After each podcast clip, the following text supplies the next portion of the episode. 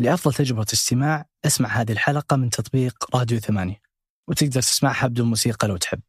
أصدقاء مربع الرائعين أهلا بكم في حلقة جديدة من بودكاست مربع. معكم من حاتم النجار كل خميس ضيف جديد نبحث معه عن قصص جميلة أفكار مفيدة ونقاشات مثرية. في بودكاست مربع نحب التنوع نحب العفوية ونحب تسمع معنا اللقاء كما هو بدون تقطيع ولا تلميع عشان تعيشوا اللقاء كأنكم جالسين معنا وتستمتعوا. قبل ما نعرفكم ضيف اليوم نحب نشكر مرسول أرهب تطبيق سعودي في العالم اللي يوصل كل شيء لأي مكان في أي زمان. يساعدنا أيضا نوصل بودكاست مربع لكم. كل ما جيت تطلب اطلب مرسول. كل ما طلبت مرسول استخدم كود مربع اللي بيكون فيه عروض متنوعة طوال العام. أما ضيفنا اليوم في مكة وفي منزله ومكتبه دكتور أحمد العطاس أستاذ الفقه المقارن في جامعة الملك عبد العزيز. دكتور أحمد له سلسلة رمضانية بما أن إحنا الآن في رمضان في لقاءاتنا يعني من اللقاء السابق عن الصلاة اللي ما سمعوا يسمعوا ولقائنا الحالي عن التوكل والرزق بنحاول في رمضان تكون لقاءاتنا رمضانية بإذن الله. آه، دكتور أحمد له سلسلة في رمضان يسجل كل يوم بعد صلاة العصر عن موضوع التوكل. كيف نستشعر التوكل في حياتنا. في عالم مادي آه، بدأنا ننظر إلى الأسباب بشكل مجرد. آه، الوظيفة هي في الوظيفة والمدير هو المسؤول آه، وعبارة قطع رزقي. كيف نرجع نستشعر موضوع التوكل؟ أن الأرزاق بيد الله. كلام نردده موجود في بالنا بس هل هو موجود في قلوبنا؟ فعلا. أخذنا الدكتور أحمد في رحلة عن الإمام الغزالي حجة الإسلام عن كتاب الإحياء. وما هي قصة هذا الكتاب؟ تكلمنا من مرحلة إنه إحنا خارج العلم الشرعي وخارج آه، الدراسات الشرعية ما نعرف آه، إيش اللي في داخل هذه الكتب وكيف كتبت ومن هم هؤلاء الائمه أصلا. هل الفقه يعني في روح؟ هل ما في روح؟ تكلمنا عن أشياء كثيرة ومثيرة. آه، جميلة جدا كانت هذه الحلقة وجميل كان الحديث عن التوكل وعن الرزق وعن مغناطيس الأرزاق كما يقول دكتور أحمد. ساعدونا في نشر هذا اللقاء. إذا أعجبكم انشروه في جروبات الواتساب انشروه في تويتر وانستغرام فهذا يساعدنا كثيرا. أنا أصلا في فترة كورونا لما الدنيا قفلت ألفت آه، رسالة من أربعة صفحات اسمها مغناطيس الأرزاق. جمعت فيها الأذكار والأدعية النبوية إلا خاصيتها جلب الرزق. فلأنه من كثر ما أشوف شكاوى الناس وضيقهم وما حد يملك شيء ما حد عنده شيء لأحد. خذ أنا ما أملك لك الآن مبالغ لكن أرسل له بي على طول المغناطيس. والله أنا أحكيك عن تجربة شخصية. عندي مركز سمو الرساله إحنا قفلناه أيام كورونا وكان عندنا موظفين.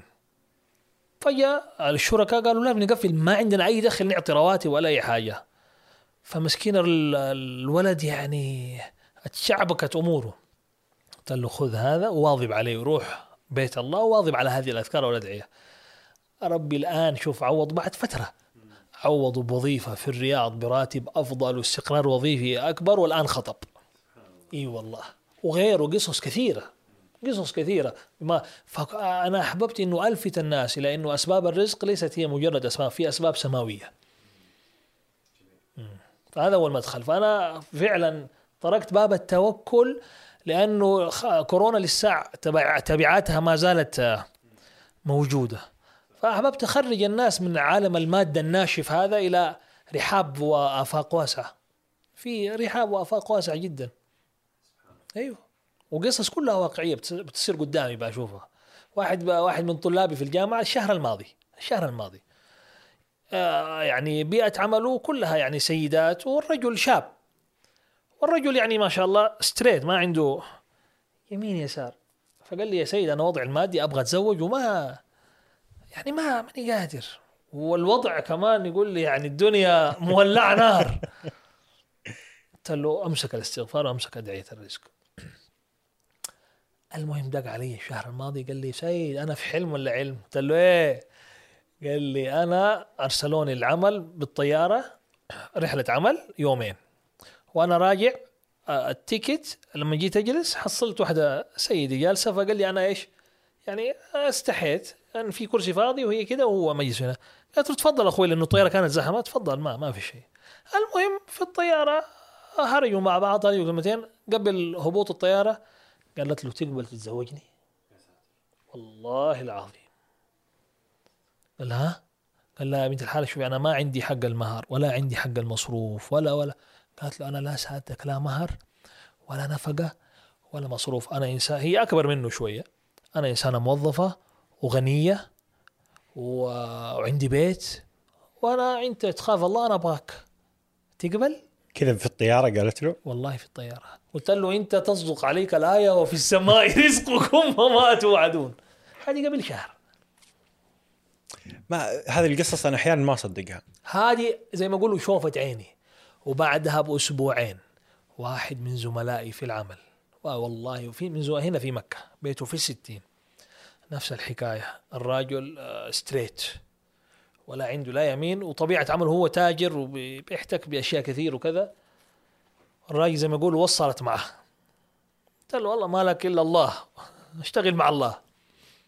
ونفس الحكاية. طالع رحلة عمل هو داخل على الطيارة آه، سيدة واقفة آه، فقال لو سمحت شوية آه، بيقول يعني excuse me يعني قامت آه، قالت تفضل وجلست جنبه. قالت له أنا متابعتك من المطار أنا أعرض نفسي للزواج عليك. ورجع من من السفرة ليلة النص من شعبان كلمني وأنا في الحرم. ليلة 15 شعبان بالضبط والله ما وأنا في الطواف اتصل علي. قال لي سيد واحد اثنين ثلاثة أربعة. قلت له رزق ساقه الله إليك. هذه قصتين الشهر الماضي صارت. فما هي خيال يعني الله لو بده يرزق يرزق لو بده يعطي يعطي. اليوم كنت في الدرس بحكي قصة واحد أنا أعرفه. صار هو تاجر ما شاء الله مليونير. وصارت عليه ضوائق مالية ب- يعني في أثناء كورونا وانسجن. المهم كان عليه غرامة 500 ألف. خرج من فترة السجن. قبل الخروج قالوا تسدد الغرامة عشان تخرج خروج نهائي. ما عنده الراجل أعرف. وأنا اللي كنت متابع عياله يعني و...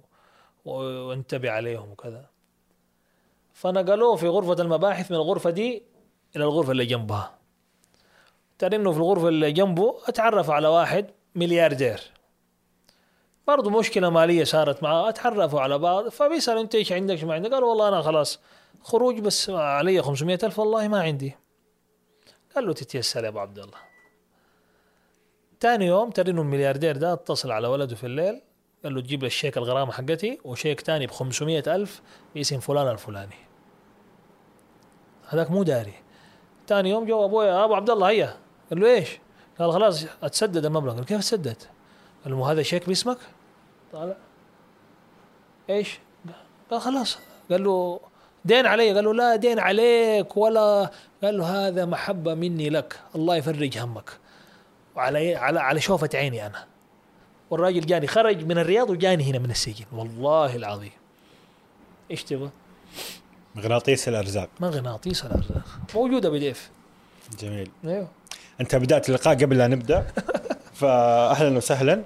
وأكيد حنتكلم عن مغناطيس الأرزاق. بس أول سؤال أبغى أسألك إياه. إيش قصة هذا الكرسي؟ هذا الكرسي. أنا أحس إني قاعد مع الشعراوي مو قاعد مع الدكتور أحمد. طيب فعلا أنا يعني من محبي الشيخ الشعراوي. وأنا الجد السيد أمين عطاس رحمة الله عليه كان وكيل وزارة الحج والأوقاف لشؤون الأوقاف وكان أياميها الشيخ الشعراوي رحمة الله عليه أيضا في وزارة الأوقاف فكانوا بحكم المهنة كانوا زملاء. وكان الجد إذا راح مصر ينزل عند الشعراوي. والشعراوي إذا جاء مكة ينزل له غرفة في بيت الجد السيد أمين. وإحنا كنا صغار كنا نحضر مجالس الشعراوي عندنا في بيت الجد السيد أمين. فمن ذلك الزمان يعني آه، في تعلق بالشيخ الشعراوي. قصة هذه هذا الكرسي في أيام آه، الحجر حق كورونا آه، كنت أسجل حلقات على ال- اليوتيوب. وكان أيامها في كنا شغالين دورات أونلاين عندي مركز سمو الرسالة للتدريب. فكان المركز هذا فرصة جميلة أن نتعرف بناس جميلين. فتعرفت على المدرب القدير الأستاذ بدر محمد سيف اليماني. مدرب قدير ولطيف وجميل ورائع. فصارت معرفة لطيفة وصار يشوف الحلقات حقتي. فيوم أيام ارسل لنا في في ال group أرسل صورة هذا الكرسي قال يا جماعة هذا الكرسي نبحث له عن مسجد حتى آه، آه، تقام عليه الدروس. فقلت له صاحبه بكم يبيعوه؟ أنا بدي أشتريه. قال والله صاحبه مو مسوي لي البيع. قلت له ليش؟ قال صاحب هذا كرسي جاري في جدة. آه، فصل هذا الكرسي في آه، في مصر. يعني واستوحى شكل كرسي من الكراسي اللي كان يجلس عليها الشيخ الشعراوي.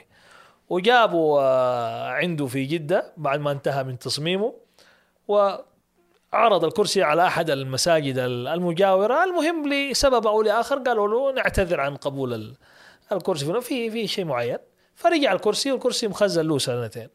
فالأستاذ بدر أبو نور فقال لي إذا تعرف أحد أو مسجد يقبل هذا الكرسي قلت له أنا أشتريه. أنا أشتريه عندي آه، أسجل عليه الدروس اللي أسجلها على اليوتيوب. فغاب عني واتصل علي. قال لي يا أبو أمين الكرسي لك. صاحب الكرسي قال بما إنك بتسجل عليه دروس فالكرسي لك. وثاني يوم جزاه الله خير أبو نور جاء وجاب الكرسي ومن يومتها فصرنا نسجل الدروس وعاد. الشعراوي. ها؟ وعاد الشعراوي. رحمة الله عليه. سبحان الله. أهلا وسهلا. يا مرحبا. عن شوف إحنا كنا نبغى نبدأ في آه الأحياء. تمام. بس أنت شوقتني على موضوع مغناطيس ال- الأرزاق. مم. طيب مغناطيس الأرزاق. إيش قصته؟ أيضا كل هذه القصص آه، نابعة من أيام كورونا وأيام كورونا فيها دروس آه، كبيرة. دروس كبيرة. طبعا أيام كورونا كأنه سبحان الله صار زر إيقاف للكرة الأرضية. خطوط النقل والتوريد في العالم كلها كلها قفلت. فالأسباب ال- الأرضية المادية الدنيوية ستوب فطيب كيف الناس بتاكل وتشرب؟ الناس ما زالوا أحياء على قيد الحياة. اذا هنالك أسباب أخرى يعيش بها الناس. أسباب علوية آه، سماوية إيمانية. فجاتني فكرة جمعت الأذكار والأدعية النبوية اللي خاصيتها جلب وتيسير ال- الأرزاق ورسالة مختصرة في أربعة أو خمسة صفحات وسويتها بي دي إف وأرسلتها للناس. يعني عشان الواحد آماله تنفتح و... ولا يضيق الم... الوجود والواسع موجود. لا يضيق الوجود والواسع موجود. وفعلا ومن ضمن القصص اللي سارت على مغناطيس الأرزاق أيضا إحنا في فترة كورونا مركزنا سمو الرسالة طبعا ضررنا. فالموظفين اللي عندنا اضطرينا يعني نعتذر منهم لعدم وجود أي دخل وما نقدر نصرف آه، رواتب. فأحد الموظفين يعني أموره اتكركبت كذا قلت له يا ولدي خذ هذه الأذكار واظب عليها وإن شاء الله لابد الله يفرج. وفعلا بعد فترة وجيزة بشرني قال لي جاتني وظيفة في الرياض وبراتب أحسن وبراتب أعلى واستقرار وأمان وظيفي والحمد لله شوف أموره طيبة ولعله يسمعنا الآن والحمد لله خطب. وربنا. يسهل أموره. وقصص سبحان الله كثيرة غير القصص اللي حكيتك عليها قبل الهواء. أيوه أيوه. هل ال ال الأدعية هذه هي الدرجة الأخيرة اللي يسبقها الإيمان فعلا؟ لأنه لأنه في هذه المشكلة. آم، الدعاء وكيف ندعي واستحضار القلب أصلا. جميل. طيب هنا أنت بتطرق موضوع عميق جدا جدا فلسفة الرزق في الإسلام. فلسفة الرزق في الإسلام. نحن في عصر آه، طغت فيه المادية على قلوب الناس. فلا ما يعني ما يعرفوا رزق إلا من الوظيفة إلا من الراتب إلا من التجارة إلا من هذه ال- الأمور الأفقية. أنا أسميها الأسباب ال- الأفقية. وفي الحقيقة انه هذه ال- الأمور هي مجرد صور يحركها الله سبحانه وتعالى ومن خلالها يعبر الرزق إليك.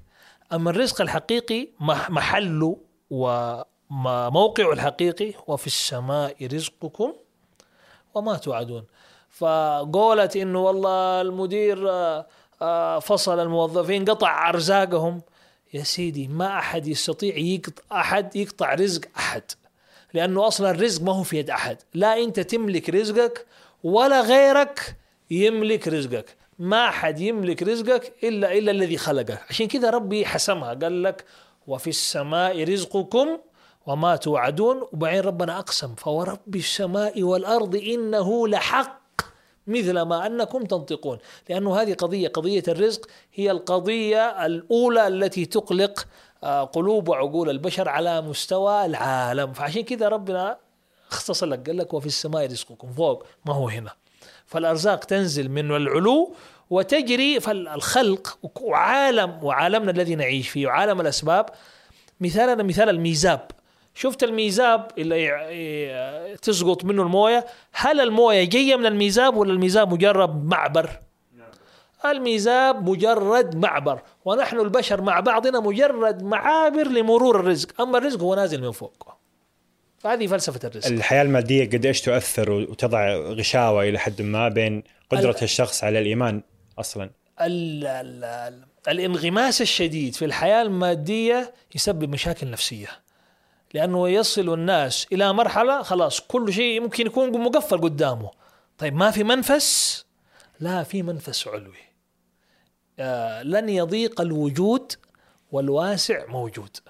فالإسلام يعلمنا أنه يعلمنا سعة الأفق يعلمنا الرحابة وسعة ال- الأمل. وعشان كذا يعني آه، خطرت لي فكرة في رمضان أنه يسجل دروس من باب التوكل من إحياء علوم الدين للإمام حجة الإسلام وطبيب القلوب أبو حامد الغزالي. عشان نفكفك ال- العقد هذه.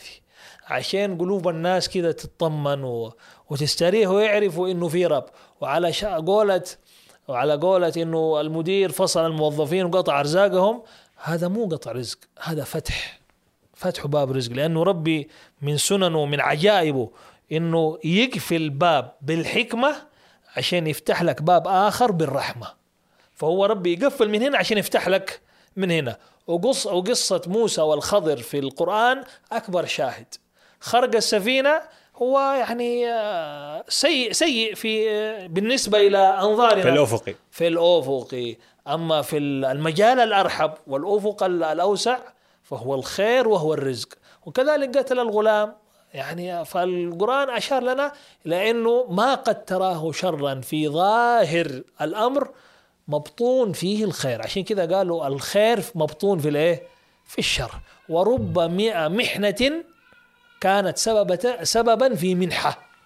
رب محنة كانت سببا في منحة. وهذه تتكرر كثير في حياة البشر.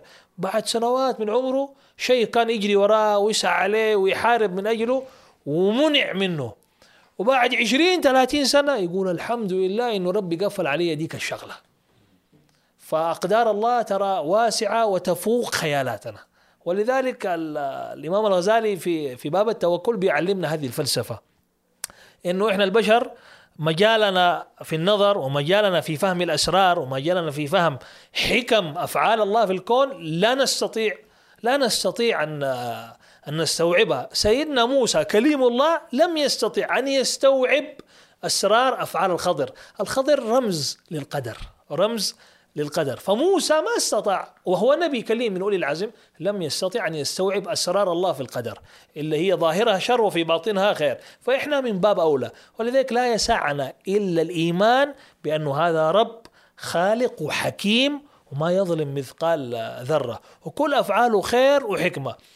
والإمام الغزالي ترى تبحر يعني يمكن آه، في الطبعة اللي عندي وهي طبعة مضغوطة للإحياء باب التوكل استوعب منه فوق خمسين صفحة.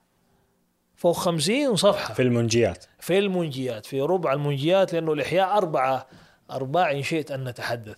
جميل. حكينا عن الإحياء. إحياء علوم الدين للإمام الغزالي. من هو الإمام الغزالي؟ لأنه الإحياء مرتبط بالغزالي. بس نعرف مين الغزالي وكيف وكيف جاء وكيف ولد الإحياء من الغزالي. ولماذا يعتبر مجدد؟ نعم. الإمام الغزالي ولد عام 450 هجري وتوفي عام 505 للهجرة يعني عمره 55 سنة وتوفي على رأس القرن. ولذلك العلماء قالوا هو مجدد القرن الخامس الهجري. والنبي قال إن الله يبعث لهذه الأمة من يجدد لها أمر دينها كل مئة سنة. قصة الغزالي عجيبة. آه، ولد آه، في بلدة طوس. بلدة طوس الآن تعتبر ضمن إيران. وللعلم إيران اللي هي كانت ضمن منطقة كبيرة تسمى نيسابور وخراسان.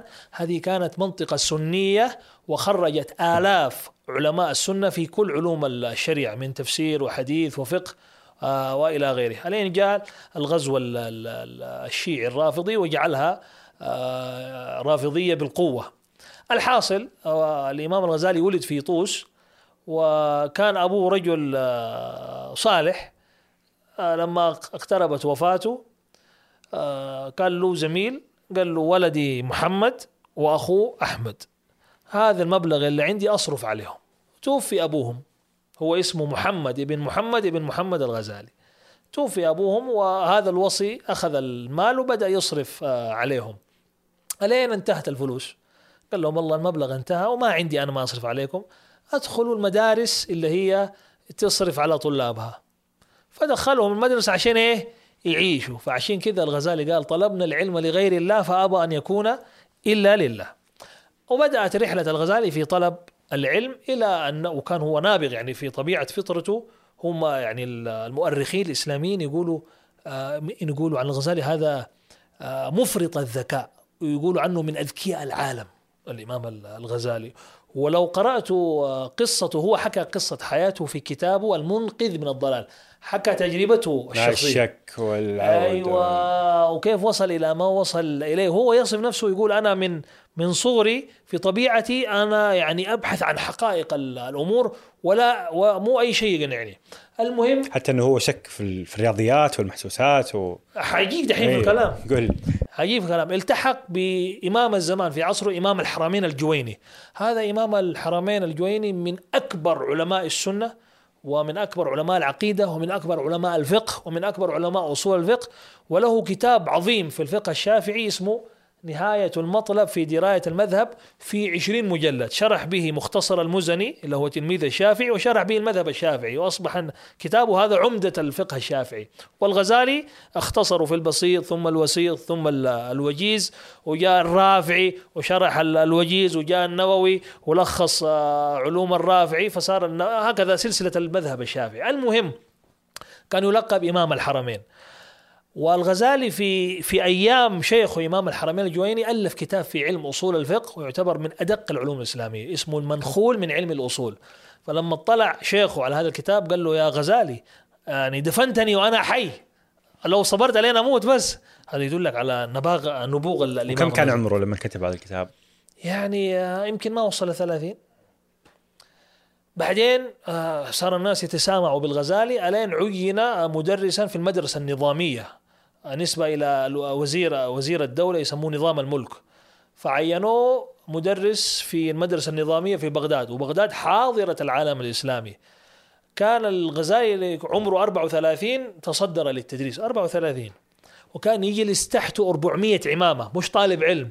400 عمامة 400 عالم يجلسوا يتعلموا من علم ال- الغزالي.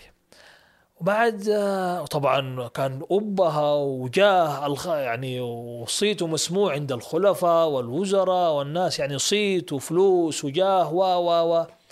الين بعد مدة من الزمن يقول الغزالي عن نفسه صرت أتفكر أنا في في حالي هل هذا اللي فيه أنا هو صح ولا ما هو صح؟ هل هذا ينفعني في الآخرة ولا ما ينفعني في الآخرة؟ فبدأت معاه حالة ابتداء من شهر رجب عام 488 للهجرة. هو يحكي هذا في الموقظ من الضلال. يقول صار اعتقل لساني ما صرت آه، أقدر أدرس. صاروا الناس يعني يترجوه تعال بس درسنا ولو واحد يوم يعني. يقول ماني يعني ما, ما يعني من كثر ال- ال- التفكير أو الهم الذي نزل به صار ما يقدر يتكلم. ووصل به الحد إنه ما صار يقدر حتى يأكل. فجابوا له الأطباء وجابوا له الشيوخ يقروا عليه. فقالوا له هذا شيء نزل فيك في الروح من الله ما يرفعه إلا الله. فصار يلجأ ويتضرع إلى الله. واستمرت هذه الحالة ست شهور من رجب إلى القعدة. وقفلت الأمور كلها فجأة. ففي القعدة أظهر إنه خارج إلى الحج عشان لا أحد يمسكه لكنه توجه إلى الشام. وذهب إلى دمشق واعتزل في مسجد دمشق في منارة المسجد. سنتين يقول وليس لي شغل إلا العزلة والخلوة وترويض نفسي ومجاهدتها وتخليتها من الأخلاق الذميمة وتحليتها بالأخلاق الجميلة. هل كان ال- العجب والكبر آه، عامل من هذه العوامل اللي خلته نعم يعتزل؟ أيوه هو يعني في كل كتب الغزالي كان ينتقد علماء عصره إنه الشغلة أصبحت وجاهة وفلوس ومناصب يعني حتى يقولوا إنه كان لبس الغزالي يقوم ب 500 دينار ذهب. إحنا دحين ما نلبس لبس ب 500 د- دينار ذهب. ف وكان دائما ينتقد على متفقهة الزمان إنهم عندهم الشغلة الجاه هذه حب الصيت والعجب والكبر والمجادلات والمناظرات. عشان كل واحد يثبت أنا أعلم وأنا اشطر ومن هذا الكلام. فسنتين اعتزل في منارة مسجد دمشق يراجع حساباته ويروض نفسه. بعد سنتين راح إلى القدس وأيضا اعتزل في مسجد قبة الصخرة ثم زار الخليل ثم ذهب إلى المدينة المنورة والحج ثم رجع مرة أخرى إلى بلده ولكن بقي معتزلا واستمرت فترة عزلته 11 سنة كما يقول هو. دخل العزلة هذه عام 488 وخرج منها 499 في هذه الفترة 11 سنة خرج لنا كتاب إحياء علوم الدين. وفعلا هو إحياء لعلوم الدين. وهو يعني الذي يقرأ الإحياء يقرأ دين مطبق دين تستطيع برنامج حياة. الذي يريد أن يسأل إيش برنامج حياتكم يا مسلمين؟ يستطيع أن يفهم برنامج حياة الإنسان المسلم بكامل تفاصيلها من خلال إحياء علوم الدين أو مختصراته. هي هو الإمام الغزالي سوى زي ما يقول تدريج.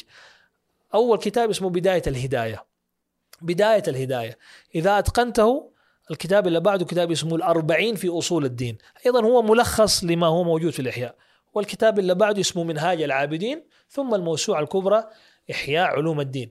مزج الفقه والأحكام بظاهر وباطن إلى درجة أنه الإمام النووي رحمه الله يقول كاد الإحياء أن يكون قرآنا.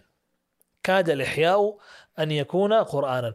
والعلماء أثنوا كثير جدا على كتاب الإحياء ومن ضمن ما قالوا في مدحه إنه سبحان الله آه كلام الإحياء فيه خاصية وسر عجيب كالمغناطيس يجذب القلوب. هو قيل عنه إنه أعاد الجانب الروحي للفقه. نعم. الفقه معروف إنه ناشف. مواد قانونية. يجوز ما يجوز. حلال حرام مستحب مكروه. يعني آه مساطر قانونية. لا الإحياء. ترى الإمام الغزالي ترى فقيه من الطراز الأول وأصولي من الطراز الأول وفيلسوف وتبحر في علم العقيدة وله صولات وجولات في كل هذه العلوم. فترى رجل فحل تمام؟ فكتب الإحياء من الخلفية الفقهية والشرعية التي يمتلك ناصيتها بالإضافة إلى الجانب الروحي فجعل الدين رطب. جعل الدين رطب ويلامس شغاف القلوب. يعني مثلا لما تيجي تقرأ في كتب المذاهب الفقهية كتب الأحكام يشرحوا لك شروط الصلاة مبطلات الصلاة أركان الصلاة مستحبات الصلاة. طيب الخشوع في الصلاة الحضور مع الله في الصلاة هذه ما تحصلها في كتب الفقهاء. هذه تحصلها في كتب التزكية أمثال أبي حامد الغزالي. الغزالي ميزته يعطيك برامج عملية. تطبيقية عشان توصل إلى مقام الخشوع اللي ربي قال فيه قد أفلح المؤمنون الذين هم في صلاتهم خاشعون. بس وقف عند الكلمة هذه تعال اتفرج في الإحياء كيف شرح لك كيف تكون خاشع في الصلاة. وهكذا يعني مثلا الإحياء رتبوا على أربع أربع. الربع الأول في العبادات في العبادات.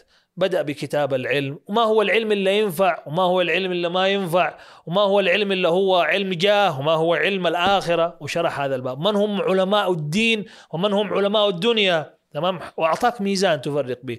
بعدين الطهارة. شرحها من ناحية فقهية ومن ناحية أسرار باطنية. كيف هذه الطهارة؟ سواء وضوء سواء غسل تمتزج بالآخرة. وبعدين تكلم عن الصلاة.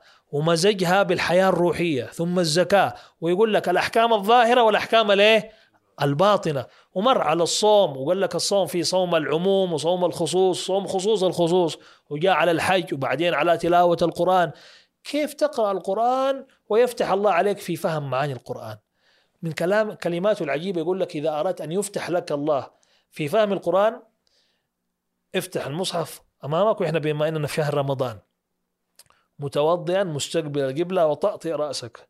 ثم أحضر في قلبك أن هذا الكلام كلام الله وأنه رب السماوات السبع وأنه رب العرش وأنه رب الكون وأنه رب الأرض. وزي ما أقول خذ نفسك في رحلة كونية أطلع من الكوكب الأرضي إلى المجموعة الشمسية إلى المجرة إلى السماء الأولى أطلع إلى السماء الثانية الثالثة الرابعة لين السابعة لين تصل إلى ملائكة العرش.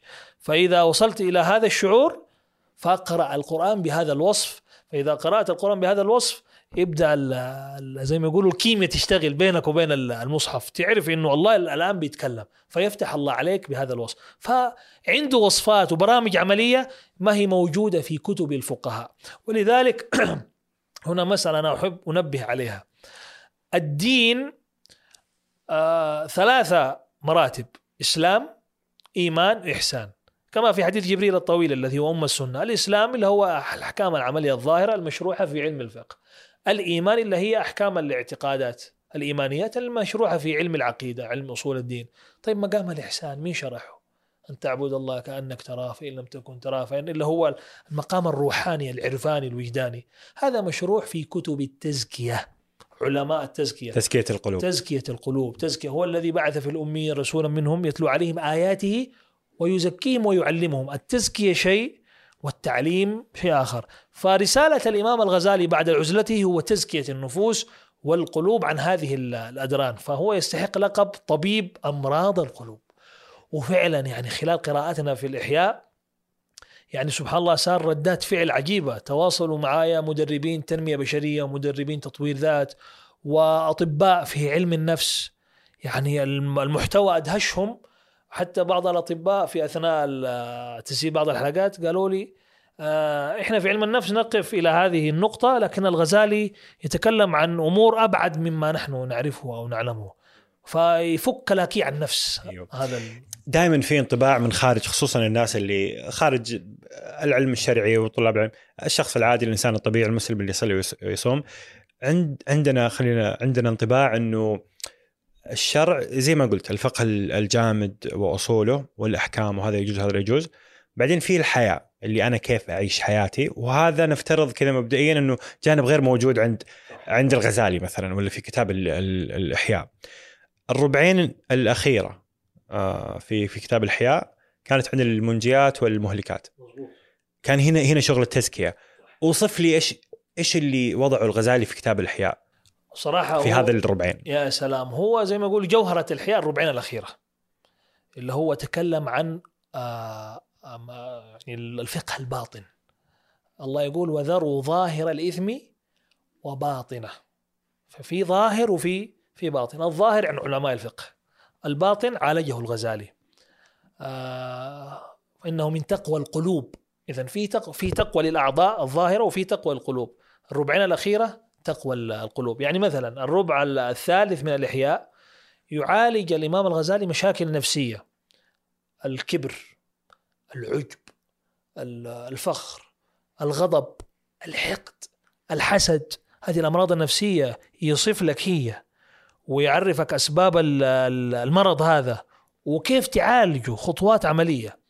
شهوة البطن شهوة الفرج. ويعطيك ترى المعلومية نظام غذائي تمشي عليه عشان تخس. والله صحيح من خلال تجربة شخصية هو هو مارسها ويحكي لك تجارب السابقين. أيوه يعني كسر شهوة البطن والفرج. هذا عنوان الباب في الإحياء. بعدين بعد ما تتخلى من هذه الرذائل تبدأ إيه؟ تتحلى بالفضائل. فجاك ربع الايه المنجيات وبدأ بالتوبة. ويعرفك إيش هي التوبة؟ ودرجات التائبين ومقامات التائبين. وبعدين يجيك كتاب الخوف. وكتاب الرجاء كتاب الصبر كتاب الشكر التوكل المحبة الشوق الرضا الأنس اليقين الزهد. وليس الزهد مراد به الفقر. الزهد هي آه، حالة وجدانية باطنية. معناها تقديم الآخرة على الدنيا. وهذه الفلسفة التي نريد المعادلة اللي إحنا نريد أن نصل إليها. ستة من العشرة المبشرين بالجنة كانوا أثرياء. وكلكم تعرفوا سيدنا عثمان بن عفان وعبد الرحمن بن عوف كانوا كل واحد منهم مليونير. ويجهزوا الجيوش كانوا بأموالهم. فلوس فلوس. هل يشك أحد واحد أنه واحد فيهم ما هو من الزاهدين؟ هذول خريجين مدرسة محمد بن عبد الله صلى الله عليه وسلم. فالزهد هو أن تكون الدنيا في يدك وتكون في جيبك وتكون في خزنتك وتكون في بنكك لكن لا يجوز أن تكون الدنيا في قلبك. ومتى يعرف الزاهد؟ إذا تعارض أمر دنيا ولا اخره تجده يقدم عليه الآخرة عدو. فهذا هو الزاهد. الزهد هنا بمعنى الترك. يعني والله أنا تركت الدنيا عشان ليه؟ قدمت الأهم على ليه؟ على على المهم. هذا هو مفهوم الزهد. ففي رمضان إحنا الآن تقريبا سبعة أو ثمانية حلقات سجلتها في باب التوكل. التوكل. وهذا باب عجيب وصراحة غريب وكأنه الإمام الغزالي معاه مشرط الطبيب الجراح وكذا بيسوي لك عملية جراحية وبيدخل إلى أعماق قلبك ونفسك وبيعيد لك برمجة وقناعاتك الداخلية هذا كده باختصار شغل الغزالي والكلام فيه يطول جدا في باب التوكل لماذا التوكل؟ ليش اخترت التوكل الحديث عنه؟ جميل إحنا الآن ما زلنا في تبعات كورونا كورونا أثرت تأثير كبير على الوضع المالي والاقتصادي لكل الناس لكل العالم في في الكرة الأرضية. كورونا أيام الحجر التام مرت كذا كم شهر الكرة الأرضية كلها متوقفة وخشعت الأصوات للرحمن فلا تسمع إلا همسة. كأنه زر تشغيل زر إيقاف تشغيل للكرة الأرضية بالكامل. ومع ذلك الناس كانوا بياكلوا وبيشربوا. مين بيأكلهم ويشربهم؟ فكأنه الله حب أن يلفت أنظار البشر انه هو يستطيع أن يرزقكم بأسباب خارجة عن عن عقولكم فما زلنا إحنا الآن في مخلفات وتبعات كورونا. والرسالة أو سبب اختياري لباب التوكل والإحياء أني أريد أن أوصل إن شاء الله رسالة لمن يسمعني إنه ترى الرزاق موجود وأن الرزق ليس منحصر لا في فلان ولا في المؤسسة الفلانية ولا الشركة الفلانية ولا الوظيفة الفلانية. الرزق حصرا عند الرزاق. إذا ضاقت من ها هنا تفتح من ها هنا ولكن ينبغي لك أن تحكم وتتقن فن التوكل. ترى فن. ولذلك يقول عليه الصلاة والسلام لو توكلتم على الله حق توكله في توكل حق اللسان. لكن النبي يقول لو توكلتم على الله حق توكله لرزقكم. كما يرزق الطير تغدو في الغداء في الصباح خماصا جيعانا وتروح في الرواح في آخر النهار بطانا. والطيور هذه لا عندها بكالوريوس ولا ماجستير ولا دكتوراه ولا هي موظفة ولا عندها ضمان اجتماعي ولا هي تتبع أي دولة. ومع ذلك بترزق. يعني الله بيرزق البهايم. مستحيل ينساك أنت. انت يعني أقل عند الله من هذه البهيمة.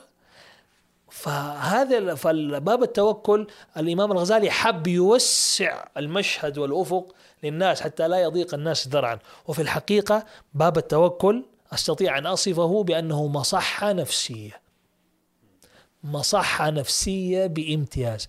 بتخرجك من اكتئاب بتخرجك من قلق بتخرجك من توتر بتعلمك عزة النفس. لما بعض الناس يجي يتذلل عند مديره عشان علاوة ولا عشان بونس. لو هذا البني آدم عرف إنه ترى رزقك ما هو عند مديرك ترى رزقك فوق. الله إن شاء هو يحرك مديرك ومن خلاله يجري إليك الرزق. لو علم الإنسان هذا عاش عزيز. فأهل التوكل أعزاء لأنه يعلمون أن ما أخطأك لم يكن ليصيبك وما أصابك لم يكن ليخطئك رفعت الأقلام وجفت الصحف. فسبحان الله التوكل هذا مغناطيس مغناطيس. لأنه الله كذا ينظر إلى قلبك ويشوفك يعني قلبك ما هو متعلق لا بفلان ولا عل ولا علان. قلبك معاه. الله يغار إنه يتركك. أنت لو رحت عند واحد آه، شيخ قبيلة من قبائل العرب كريم من الكرماء ورميت عقالك عليه. أنا أنا في وجهك يا الشيخ. يسوي لك إيه؟ انت عندي. هل حتبات في في قبيلته لا فطرت ولا تغديت ولا تعشيت؟ عيب عليه. هذا إذا كان شيخ عرب ما يرضى عليك إنك يصيبك قل وانت عنده. كيف ملك الملوك إذا أنت رميت نفسك بكبرك عليه؟ والله حاشا يتركك. حاشا يتركك. ولذلك الإمام الغزالي قال المتوكلين على ثلاث درجات ثلاث مراتب ثلاث مقامات. الدرجة الأولى وهي يمكن الأقرب لكثير من الناس. لو أنت عندك قضية بسيطة تافهة واحد رفع عليك قضية في المحكمة قضية بسيطة مرة وتافهة. وكان أبوك هو المحامي وأبوك محامي في البلد خبرته 45 سنة ويعتبر رئيس نقابة المحامين في البلد. يعني ما في محامي أكبر من المحامي ذا وهو أبوك. فاجتمع عنده القدرة والكفاءة والحنية والشفقة. وانت وكلته يا أبويا بالله هذا رفع علي قضية ب 500 ريال. قال لك بس فانت وكلت أبوك المحامي أنت تكبر المخدة وترقد ولا ما تكبر المخدة وترقد؟ أكيد. حتكبر المخدة وترقد لأنك عارف إنه أبوك عنده من الكفاءة ومن العلاقات ومن القدرة ومن المعرفة بالأنظمة ومن الحنان والشاقة في قلبه إنه ما يخليك أصلا آه، ولا يدهملك يجيب لك حقك يجيب لك إيه؟ يجيب لك حقك. فإذا كان أنت تثق في أبوك بسبب إنه عنده هذه القدرة الفائقة وعنده الحنان الفائق. انت الآن قيس. الله قدرته تقل عن قدرة أبوك المحامي؟ حاشا لله. الله بيده الملك والملكوت. ولا بد أن تعرف إنه الله أرحم وأحن وأرأف بك من أمك وأبوك عليك. فإذا توفرت هذه المعلومة عندك الله قدير الله حنون الله كريم الله رحيم. أجل هل حدهمل وأنا موكل أمري إليه؟ حاشا على الله. هذا مثال لمرتبة من مراتب المتوكلين. الدرجة الأعلى شوية يقول لك الغزالي مثاله مثال الصبي الصغير مع أمه. الص- الصبي الصغير أبو سنة سنة ونص سنتين. إذا بيرضع يصيح ماما. إذا يبغى يغير ملابسه ماما. إذا يبغى يلعب ماما. ما يعرف إلا مين؟ إلا ماما. يقول في ناس من المتوكلين الذين امتلأ قلبهم بالعرفان والوجدان ما يعرف إلا الله بحيث إذا أي شيء على طول تقول له يا ربي أنا عندك أنا أنا في وجهك. فهذه مرتبة عالية. فهذا أبدا لا يلتفت قلبه إلى بشر ولا إلى مخلوق ولا سبب. هو يمارس الأسباب لأنه الله قال لك إيه؟ سوي كذا وروح كذا. ولكن قلبه في الأخير فوق. فهذا يعني لا يعرف إلا الله. وفي متوكلين درجة كده إيه؟ five stars أعلى الدرجة الأعلى. يقول لك هذه الدرجة موسى المرتبة اللي اللي دوبنا كنا فيها صبي كل ما يبغى يصيح على أمه. لكن هذا ال- الدرجة الثالثة هو صبي طفل بس ما يصيح. هو عرف إنه أمه حنونة مرة بحيث إذا هو جاع بدون ما هو يبكي أمه جابت له الرضاعة. إذا هو صحي أمه على طول تلاقيها صحيت وايه وأخذته. فهو مطمن تماما لأنه عارف 100% انه امه عينها عليه 24 ساعة فما يحتاج أصلا إيه؟ يصيح آه، عليها عشان يجي له. فهو تلاقيه إيه؟ لا يصيح وتلاقيه مرتاح. مسلم. مسلم. فإذا كان هذا حال الصبي مع أمه كيف أنت حالك مع الله؟ والله أحن عليك من أمك وأرحم بك من أمك وأكثر شفقة عليك من أمك. إذا وصلت إلى هذا الحال العرفاني والوجداني ساعتها أنت خلاص يصير عندك السلام النفسي لكل الناس إيه يدوروا عليه ولا دورات التنمية البشرية وتطوير الذات السلام الداخلي والاستقرار العاطفي والكلام ده.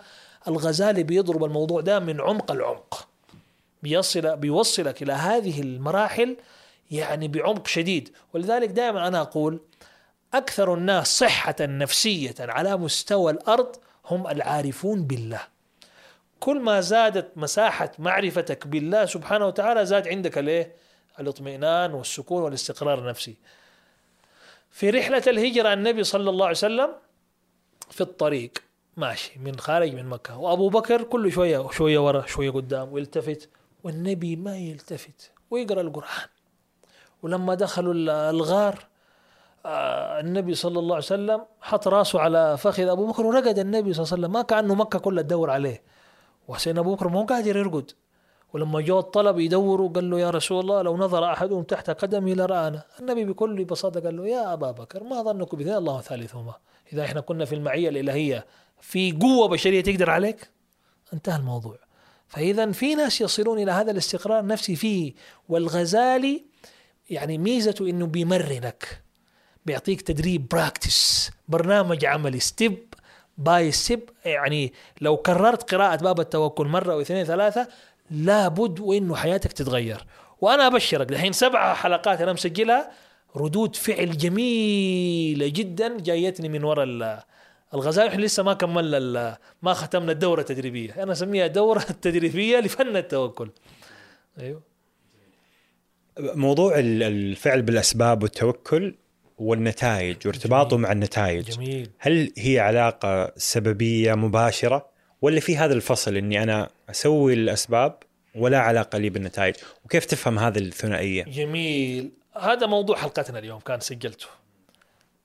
الكلمة المجملة القلوب تتوكل والجوارح تعمل. ونشرحها. الله سبحانه وتعالى صمم هذا الكون وهندس مو الكون هذه الكرة الأرضية تمام؟ هو الله هندس وصمم ترى هو مو كون واحد ترى هي أكوان كثيرة وهذا موضوع كمان كبير. والآن أثبت نظريا وجود أكوان متعددة ومتوازية وترى هذه موجود في القرآن. وابن العباس فسرها الله الذي خلق سبع سماوات ومن الأرض مثلهن. قالوا له إيش معنى هذه الآية؟ قال سبع أراضون في كل أرض آدم كآدم. ونوح كنوح وموسى كموسى وعيسى كعيسى ومحمد كمحمد. الحاصل هذا موضوع كبير. فالله مدبر أكوان كثيرة. لا تخطر لك على بال. إحنا في الكرة الأرضية آه، كل كوكب له قانون أو سيستم فيزياء وكيمياء تختص بهذا الكوكب. يعني المعادلات الفيزيائية والكيميائية والفلكية في المريخ والمشتري تختلف عن الأرض. المهم في الأرض واحد زائد واحد يساوي اثنين. كل عشان تشبح أتزوج عشان يجيك إيه؟ عيال. فالله مصمم الكون على هذه الأسباب وعلى هذه الخطوات. كونك تبغى تشبع بدون ما تاكل أنت تسيء الأدب مع منظم هذا الكون. طيب كيف نربط بين موضوع السبب وموضوع التوكل؟ ها هذه الغزالي شرحها بتفصيل. خليني أشرح لك هي. عندك ورقة بيضة واحد ماسك قلم بحبر أسود جالس يكتب على هذه الورقة البيضاء وفي طرف الورقة البيضاء في نملة صغيرة نملة صغيرة جالسة تشوف حبر أسود بينكتب على الورقة البيضاء فسألوا النملة من فين جاي الحبر الأسود؟ قالت لهم من القلم فراحوا سألوا قلم أنت من فين بتجيب الكلام ده؟ قالوا اليد بتحركني قال سألوا اليد أنت من فين بتتحركي؟ قالت لهم الذراع بتحركني سألوا الذراع أنت كيف بتتحركي؟ قالت لهم في قدرة وطاقة بتخليني إيه؟ أتحرك سألوا القدرة أنت كيف بتحرك اليد؟ قالت لهم في إرادة في قلب هذا الإنسان أمرتني أتحرك راحوا سألوا الإرادة يا إرادة أنت مين جابك؟ قالت لهم والله في معلومة أمر تشغيلي في دماغ البني آدم ده قال لي إيه؟ أتحركي اذا معلومة أعطت أمر للإرادة إرادة حركت قدرة القدرة حركت اليد يد حركت القلم القلم خط والنملة ما هي شايفة إلا رأس الايه القلم. القلم. ولله المثل الأعلى. إحنا البشر مثل النملة هذه. ما إحنا شايفين إلا رأس الايه القلم. لكن في الحقيقة والله خلقكم وما تعملون وما تشاءون إلا أن يشاء الله. وما رميت إذ رميت. ولكن الله رمى. يا أخي النبي في غزوة بدر مسك تراب ورماه على وجوه كفار قريش. ألف واحد كلهم جاهم تراب في وشهم من هذه الكف. فالله بيقول له ما رميت إذا رميت ولكن الله رمى. إذا المحرك هو الله لا فاعل إلا الله. فإذا الفلسفة هذه وهي فل وهي قاعدة إيمانية الله خالق كل شيء لست أنت الذي تخلق نفسك ولا تخلق حتى أفعالك. الله هو الذي يخلق فيك الفعل. فإذا أيقنت بهذه الفكرة إذا هذا اللي قدامك مين حركه؟ الله سبحانه وتعالى. السبب هذا الله هو اللي بيعطي له أمر تشغيل. لكن الله يقدر إنه يسوي له إيه؟ إيقاف تشغيل. لما ترمى إبراهيم في النار خلاه تقلب إيه؟ مكيف. لما إبراهيم مشى السكينة على هذا هذا المعجزات. بس بعيد لأنه المشكلة وين تيجي؟ المشكلة تيجي في في المطر مثلا. مم. فالمطر الله سبحانه وتعالى هو منزل المطر. جميل. بس الآن نفهم في العالم المادي هذا أنه آه، هي تبخر ثم تكثف ثم نزول جميل. الأمطار. هذه عليها آه الغزال. الأرحام. آه ناس الآية ويخلق ما في الأرحام؟ نعم. إيش الآية؟ ذكرني. آه. ناس الآية. ال- ال- إنه الله سبحانه وتعالى ويصورهم ويصورهم. صوركم في الأرحام يصوركم كيف يشاء. كيف يشاء. إنه الله سبحانه وتعالى هو الذي يصور الأجنة في بطون أمهاتهم. نعم. بس إحنا الآن نعرف إنه لا هي في عملية معينة تصبح بين الزوج هذا ال فهمت التركة. هذه. التركة هذه. طيب. كيف يعالجها الغزالي؟ يعالجها الغزالي. ما خلى مع. إنه مثال النملة جميل جدا يعني. مثال النملة جميل جدا. موضوع المطر. المطر من فين؟ أتبخرت موية البحر. طلع السحاب جات الرياح لقعت هذا مين حرك الرياح؟ انت خذها كسلاسل توريد. سلسلة. عشان كده ربنا قال وأن إلى ربك المنتهى. خذ أي شيء وخذ السلسلة حقته. في نهاية السلسلة لازم تقف عند الله. آه مثال ال- الحمل. طيب الله هو الذي يريد إنه يكون لقاء بين الرجل والمرأة نطفة من هنا ونطفة من هنا حتى يحصل الحمل. لكن في الكون الله ورانا أربع أشكال. للإنجاب. مريم أم بلا أب. آدم لا أب ولا أم. حواء أب بدون أم. اذا الله بديع. يجيب لك الشغلة من هنا ومن هنا ومن هنا بس عشان يوريك إنه الله كيف يقدر يخلق. فالأسباب مو هي اللي تشتغل بنفسها. اليوم أنا ضربت مثال. زوجين اتزوجوا. لهم سنوات ما أنجبوا. راجعوا الأطباء. هذه قصة حقيقية. راجعوا الأطباء. هو سليم وهي سليمة. ما فيهم أي علة. سنوات ما أنجبوا. حاولوا أطفال أنابيب تلقيح صناعي تلقيح خارجي ما في. بعد ما خلصوا كل التلقيحات الصناعية والخارجية بعدين حملوا طبيعي. بدون ولا شيء بدون طبيب. إذا من مين اللي أعطى أمر تشغيل؟ قال لي النطفة اشتغلي قال لي الرحم اشتغل دحين. قبل كده الله قال له وقف لا تشتغل. وهذه في واقع في واقع حياتنا. اثنين ياخذوا الدواء واحد يتعافى واحد ما يتعافى. فاذا المسألة مرهونة مرهونة بقدرة الله مرهونة ب... الله هو الذي يفعل الأسباب. فالأسباب هي مجرد صورة الله يحركها إن شاء شغلها وإن شاء عطلها سبحانه وتعالى. إذا وصلت إلى هذه النظرية تعرف إنك ليس لك من الأمر شيء. حتى في العلم ال- ال- المادي وفي منتهى ما وصلنا إليه من علم ومعلومات باقي ال- ال- الشفرة الأخيرة بين العصبون اللي في الدماغ والفكرة التي أنتجها هذا العصبون اللي في الدماغ. يبقى, يبقى يعني. مهما حاولوا يعني ما جانب غير غير مفهوم. كيف عصبون اللغة أنتج الكلمة وعصبون الحركة أنتج العضلة وعصبون ال- التنفس حرك الرئة وهكذا. يد فهذا هذا شيء غير غير موجود. لازم تصل إلى يد القدرة الإلهية. وعلى شغلة ال- العصبون ما العصبون أنت تعرف أصلا إنه ال- الجسم الإنساني مثل آه، ال motherboard ال motherboard ما يشتغل إلا إذا شبكته في الايه؟ في الكهرباء. فالمفعل الحقيقي هو التيار الايه؟ الكهربائي. الجسم الإنساني المفعل الحقيقي هو الروح. وهنا مجال رحب بالكلام. الإمام الغزالي عالج هذه القضية في كتاب اسمه عجائب القلب وعجائب النفس البشرية. آه العين اللي أنت بتشوفني بيها هي نافذة الروح تبصر من خلالها. الأنف اللي بتشم به هو نافذة للروح. ال- الحواس والذكاء والتذكر والشيء المفكر الشيء الحي فيك هو هو الروح هو السر الإلهي النفخه ال- الالهيه اللي فيك. عشان كده أنا أضرب لك مثال وذكره الغزالي أيضا.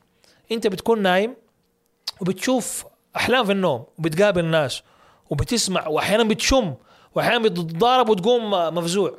سؤالي لك أنت لما كنت نايم سمعت باذنك هذه؟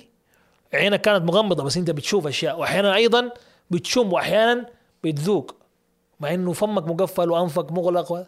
إيش اللي بيدرك بيحس؟ هو الروح. فالإمام الغزالي شغله كله على الايه على الروح هذه. اللي يبغى يقرأ من غير طلاب من من إحنا ال- ال- الناس الطبيعيين. نبغى نقرأ للغزالي. هل نقرأ ال- الموسوعة نفسها ولا منهاج القاصدين؟ آه، الحافظ العراقي برضو له آه، له مختصر. طيب. كيف تنصح إنه الشخص العادي يدخل إلى الغزالي؟ نصيحتي ابدأ step by step هو الغزالي أصلا مسويها تدريج. أول شيء يقرأ بداية الهداية. وهو كتاب آه، لطيف. يعني على مباشرة على الغزالي. أيوه. وهو الغزالي نفسه مسوي لك آه، زي ما يقولوا منهج تعليمي. سنة أولى سنة ثانية سنة ثالثة سنة رابعة. أقرأ أول شيء بداية الهداية.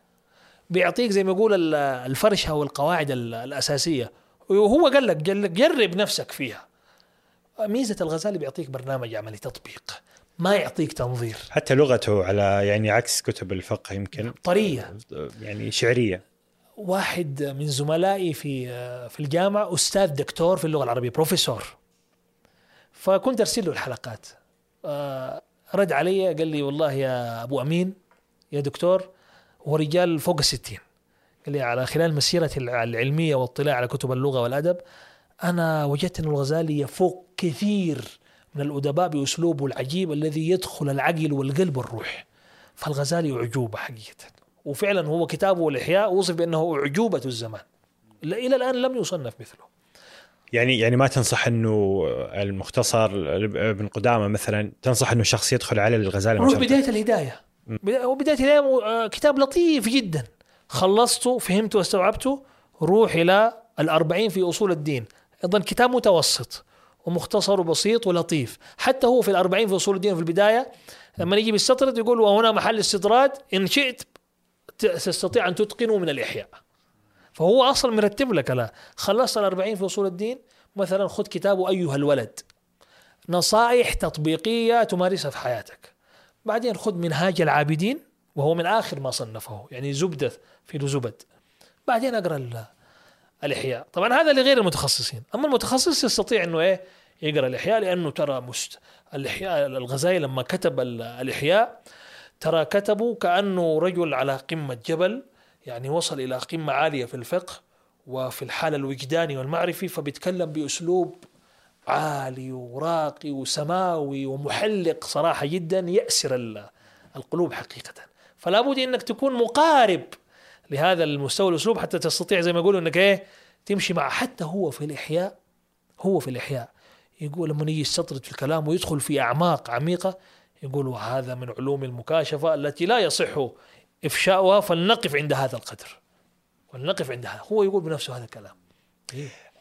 يعني أحد م- ال- يمكن المشاكل بين يعني في مشكلتين معروفة عند الحديث عن كتاب الإحياء مشكلة الاحاديث في. كثير أحاديث آه، ضعيفة ضعيفة أو هذه عالجها الإمام. الحافظ العراقي مم. ألف كتاب لتخريج أحاديث الإحياء كل حديث في الهامش أصلا أغلب الطبعات مذيلة بال- بتخريج العراقي يبين لك حكم الحديث هذا صحيح حسن ضعيف وللمعلومة هنا مسألة أنبه عليها آه، فضائل الأعمال يجوز أن تذكر فيها الأحاديث الضعيفة بشرط أن لا يشتد ضعفه ولا يكون معارضا لإيه؟ لأصول الشريعة وكثير جدا مما جاء في الإحياء من باب الفضائل فيجوز أن تروي فيه الحديث الضعيف. والعراقي يبين أنه يقول لك هذا ضعيف ويقول لك من أخرجه أخرجه فلان وفلان. فالغزالي ما كان يجيب من راسه بينقل من إيه؟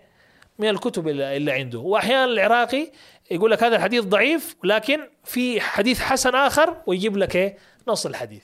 هذه أنا أشوفها نقطة إيجابية إنه ما في فعلا دائما تسمع في موضوع تجديد الخطاب الديني والحداثه في الإسلام ومدري إيش إنه لا يوجد آه، كهنوت في الإسلام والعلماء في فيلغي العالم بالكلية مع إنه آه، علماءنا في الفقه وفي أصول الفقه وفي الحديث لا يعتبرون لأحد كهنوت بدليل إنه حتى الغزالي واستدرك عليه. استدرك استدرك عليه وصحح له وذيل على كتب. كل العلوم الإسلامية يا سيدي هي علوم تراكمية وكل من جاء لاحقا يستدرك على من كان سابقا حتى أصبحت يعني في عندنا زي ما يقولوا شفافية كبيرة جدا لأنه عندنا في الإسلام لا عصمة إلا لمحمد بن عبد الله كل أحد يؤخذ منه يرد إلا صاحب هذا القبر.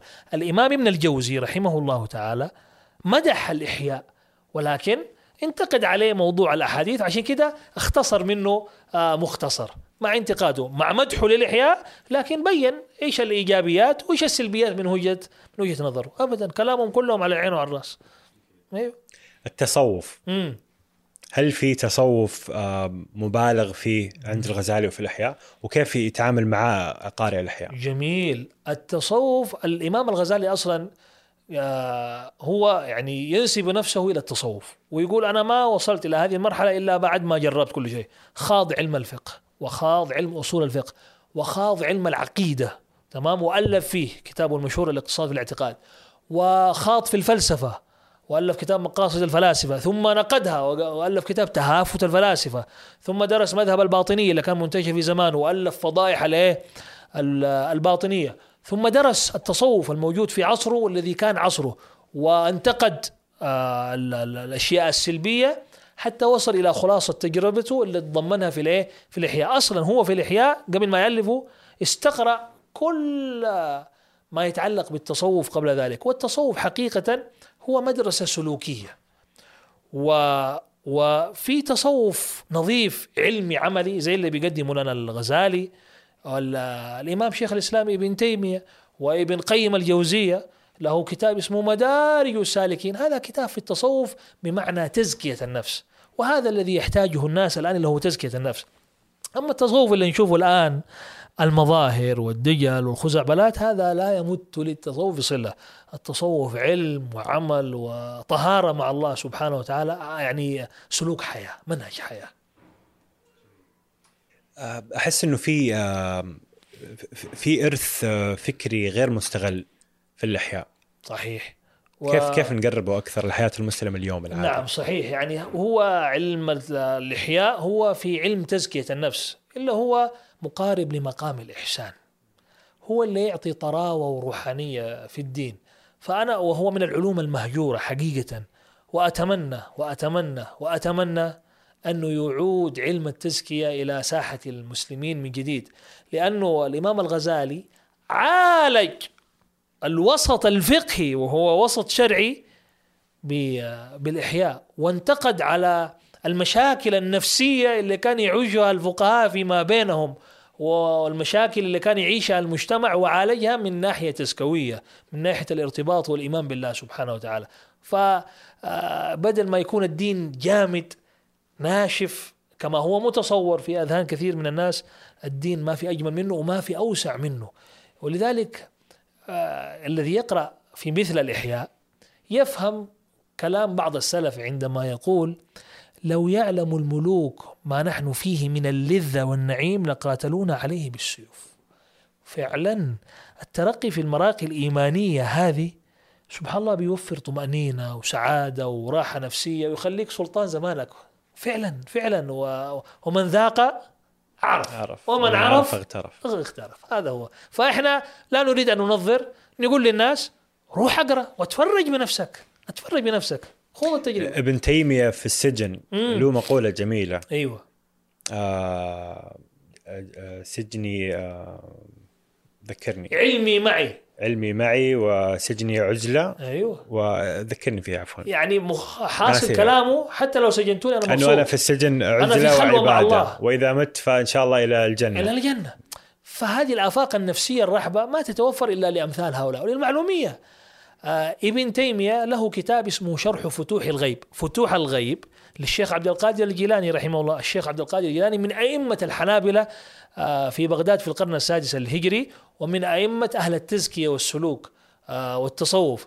آه ابن تيمية له كتاب اسمه شرح فتوح الغيب للشيخ عبد القادر الجيلاني. نقدر نقرأ من الإحياء نختم الحلقة هذه نقرأ. نقرأ. نقرأ. في في آه، آه، مقطع معين تحبه في الأحياء. مقاطع كثيرة. طب خلينا نقرأ الكتاب. خلينا. حاضر أجيبه؟ أسلم. هذا حيتمنتج ها؟ لا لا ما ما عندنا شيء. ما في منتج؟ طيب. كرمك الله. نفتح من التوكل. طيب إحنا كذا ختمنا اللقاء. بحمد الله. آه حنقرأ آه أنا جزئية؟ أكلم, اكلم طبعا الجمهور الاصدقاء مربى الراعين آه فاللي يبغى يكمل معانا نقرأ. نتعرف على ما في الأحياء. مرحبا مرحبا. آه حياه اللي اكتفى شكرا لك. نلقاك الخميس القادم. ما شاء الله. تبارك الله ما شاء الله. طيب أنا بدي كذا زي ما يقولوا إيه أنتقي كذا آه، موضع آه، جميل. مم. أيوه. يقول الغزالي رحمه الله تعالى وينفع حسن الظن بمجيء الرزق من فضل الله بواسطة الأسباب الخفية؟ بيقول لك إنه حسن الظن يعتبر أداة ووسيلة من وسائل جلب الرزق. وحيذكر الآن قصص. أن تسمع الحكايات التي فيها عجائب صنع الله في وصول الرزق إلى صاحبه وفيها عجائب قهر الله في إهلاك أموال التجار والأغنياء وقتلهم جوعا. كما روي عن حذيفة المرعشي وقد كان خدم إبراهيم بن أدهم فقيل له ما أعجب ما رأيت منه؟ فقال بقينا في طريق مكة أياما لم نجد طعاما ثم دخلنا الكوفة فأوينا إلى مسجد خراب فنظر إلي إبراهيم وقال يا حذيفة أرى بك الجوع؟ فقلت هو ما رأى الشيخ يعني أنت شايف قدامك. فقال علي بدواه وقرطاس. ورقة وقلم فجئت به إليه فكتب بسم فكتب في الورقة إبراهيم آدم بسم الله الرحمن الرحيم. أنت المقصود إليه بكل حال والمشار إليه بكل معنى. بيكتب رسالة ربنا ترى. وكتب هذه الأبيات. أنا حامد أنا شاكر أنا ذاكر. أنا جائع أنا ضائع أنا عاري. هي ستة وأنت الضمير لنصفها. فكن الضمير لنصفها يا باري. مدحي لغيرك لهب نار خطها فأجر عبيدك من دخول النار. ثم دفع إلي الورقة وقال أخرج ولا تعلق قلبك بغير الله وادفع الرقعة إلى أول من يلقاك. فخرجت فأول من لقيني كان رجلا على بغلة فناولته الرقعة فأخذها فقرأها وبكى وقال لي ما فعل صاحب هذه الرقعة؟ قلت هو في المسجد الفلاني. فدفع إلي صرة فيها ستمائة دينار ذهب. ثم لقيت رجلا آخر فسألته عن راكب البغلة. فقال هذا نصراني. فجئت إلى إبراهيم وأخبرته بالقصة. فقال لا تمسها لا تمسك الفلوس فإنه يجيء الساعة. الحين يجي. فلما كان بعد ساعة دخل النصراني. وأكب على رأس إبراهيم يقبله وأسلم. قصة أخرى. قال أبو يعقوب البصري جعت مرة بالحرم عشرة أيام وجيعان فوجدت ضعفا فحدثتني نفسي بالخروج فخرجت إلى الوادي لعلي أجد شيئا يسكن ضعفي فرأيت سلجمة مطروحة فأخذتها. ما أعرف يعني سلجمة. فوجدت في قلبي منها وحشة. وكأن قائلا يقول لي جعت عشرة أيام وآخرك يكون سلجمة متغيرة كأنه أكل يعني آه معفن. فرميت بها. يعني زي ما يقولوا تصوم تصوم وتفطر على إيه، إيه؟ بصلة. على بصلة. فرميت بها ودخلت المسجد وقعدت. فإذا أنا برجل أعجمي قد أقبل حتى جلس بين يدي ووضع قمطرة زي الصندوق أو ال... وقال هذه لك. فقلت كيف خصصتني بها؟ ليش أنت جبت لي هي؟ قال اعلم أن كنا في البحر منذ عشرة أيام وأشرفت السفينة على الغرق. فنذرت لله إن خلصنا الله أن أتصدق بهذه على أول من يقع عليه بصري من المجاورين وأنت أول من لقيته. فقلت افتحها. ففتحها فإذا فيها سميد ولوز وسكر فقبضت قبضة من هذا وقبضة من هذا وقلت رد الباقي إلى أصحابك هدية مني إليكم. يعني أخذ اللي يكفيه وقد قبلتها. ثم قلت في نفسي رزقك يسير إليك من عشرة أيام وأنت تطلبه في الوادي. ولذلك يقولون كما أنك تطلب رزقك رزقك إيه؟ يطلبك. وهنا أيضا آه حكاية. يقول الغزالي كان في الزمان الأول رجل في سفر ومعه قرص فقال إن أكلته مت. يعني بعد كم يوم حموت ما عندي غيره. فوكل الله به ملكا وقال إن أكله فارزقه وإن لم يأكله فلا تعطه غيره. فلم يزل القرص معه إلى أن مات ولم يأكله وبقي القرص عنده.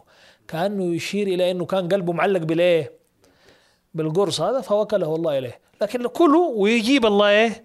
يجيب الله غيره. قال أبو سعيد الخراز دخلت البادية بغير زاد فأصابتني فاقة فرأيت المرحلة من بعيد فسررت بأني وصلت ثم فكرت في نفسي أن أني سكنت يعني قلبي اطمأن بسبب كأنه شاف محطة يعني فقلبه ارتاح. واتكلت على غير الله. وآليت ألا أدخل المرحلة يعني كأنه محطة أو قرية إلا أن أحمل إليها. فحفرت لنفسي في الرمل حفرة. هذول يجاهدوا نفسهم يعني عشان إيش؟ يعني زي ما هو في صراع مع نفسه حتى يرغمها على التوكل. طبعا هذا الناس مش مطالبين به. بس هنا بنسمع كيف كيف كانوا يربوا نفسهم.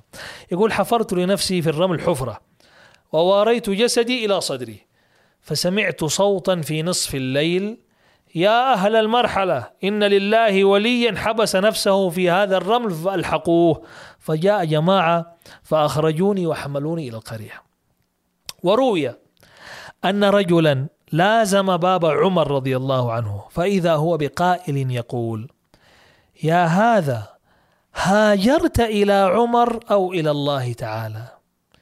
اذهب فتعلم القرآن فإنه سيغنيك عن باب عمر. فذهب الرجل وغاب حتى افتقده عمر. فإذا هو قد اعتزل واشتغل بالعلم والعبادة فجاءه عمر فقال له إني قد اشتقت إليك فما الذي شغلك عني؟ قال إني قرأت القرآن فأغناني عن عمر وعن آل عمر. هذا يقول للخليفة. يعني هنا هنا التوكل يخليك كيف عزيز. فقال عمر رحمك الله. فما الذي وجدت فيه? قال وجدت فيه أن الله يقول وفي السماء رزقكم وما توعدون. فقلت رزقي في السماء وأنا أطلبه في الأرض. فبكى عمر وقال صدقت. فكان عمر بعد ذلك يأتيه ويجلس إليه. الله. هنا آخر قصة. قال أبو حمزة الخراساني حايجت سنة من السنين فبينما أنا أمشي في الطريق إذ وقعت في بئر فنازعتني نفسي أن أستغيث. يعني أطلب مساعدة من أحد ولا أخليها على الله؟ فقلت لا والله لا أستغيث. فمس فما أكملت هذا الخاطر حتى مر بالبئر رجلان. فقال أحدهما للآخر تعال حتى نسد راس هذا البير لئلا يقع فيه أحد. فأتوا بمعدات ليسدوا البير. فهممت أن أصيح. فقلت في نفسي إلى من أصيح؟ هو أقرب إلي منهما. فسكنت. فبينما أنا بعد ساعة إذ أنا بشيء جاء وكشف عن رأس البير وأدلى رجله. وكأنه يقول تعلق بي فتعلقت به فأخرجني فإذا هو سبع إذا هو سبع. فمر وهتف بي هاتف. يا أبا حمزة أليس هذا أحسن؟ نجيناك من التلف بالتلف. إيش معنى هذا الكلام؟ نجيناك من التلف اللي هو تموت في البير بالتلف اللي هو السبع لأنه السبع إيه؟ طبعه انه ياكلك وكانه الهاتف أو ال ال ال ال الوارد هذا الذي سمعه نجيناك من التلف بالشيء الذي من شأنه إنه إيه؟ يتلفك. فإذا العمد في الأخير على الله سبحانه وتعالى والكلام يطول الكلام يطول. جميل. كرمك الله. أه تشعر إنه أه قلنا كل شيء؟ لا. لا. ما يكفي؟ يطول ويطول, يطول. ويطول ويطول. إحنا ترى عندنا لقاءات كثيرة ونبغى ناخذ منك على موضوع الحج. والحشود يعني إحنا في هو- ال في, ال في الإعداد اكتشفنا إنه ما شاء الله له باع طويل في موضوع الحج فلعلنا نطلع كذا منك لقاء خلاص ثاني. يعني زي ما يقولوا وصلت. خلاص تم. وصلت. بإذن الله. كرمك آه الله. شكرا لك دكتور أحمد. كرمك الله. يعني صراحة استمتعت جدا بهذا وأنا استمتعت بك وأتمنى اصحاب رب العالمين استمتعتوا أيضا. آه فشكرا لك. جزاك الله خير. وإن شاء الله لقاءتنا إن شاء الله جاية. بإذن الله كرمك. الله. كرمك الله أبو يحيى.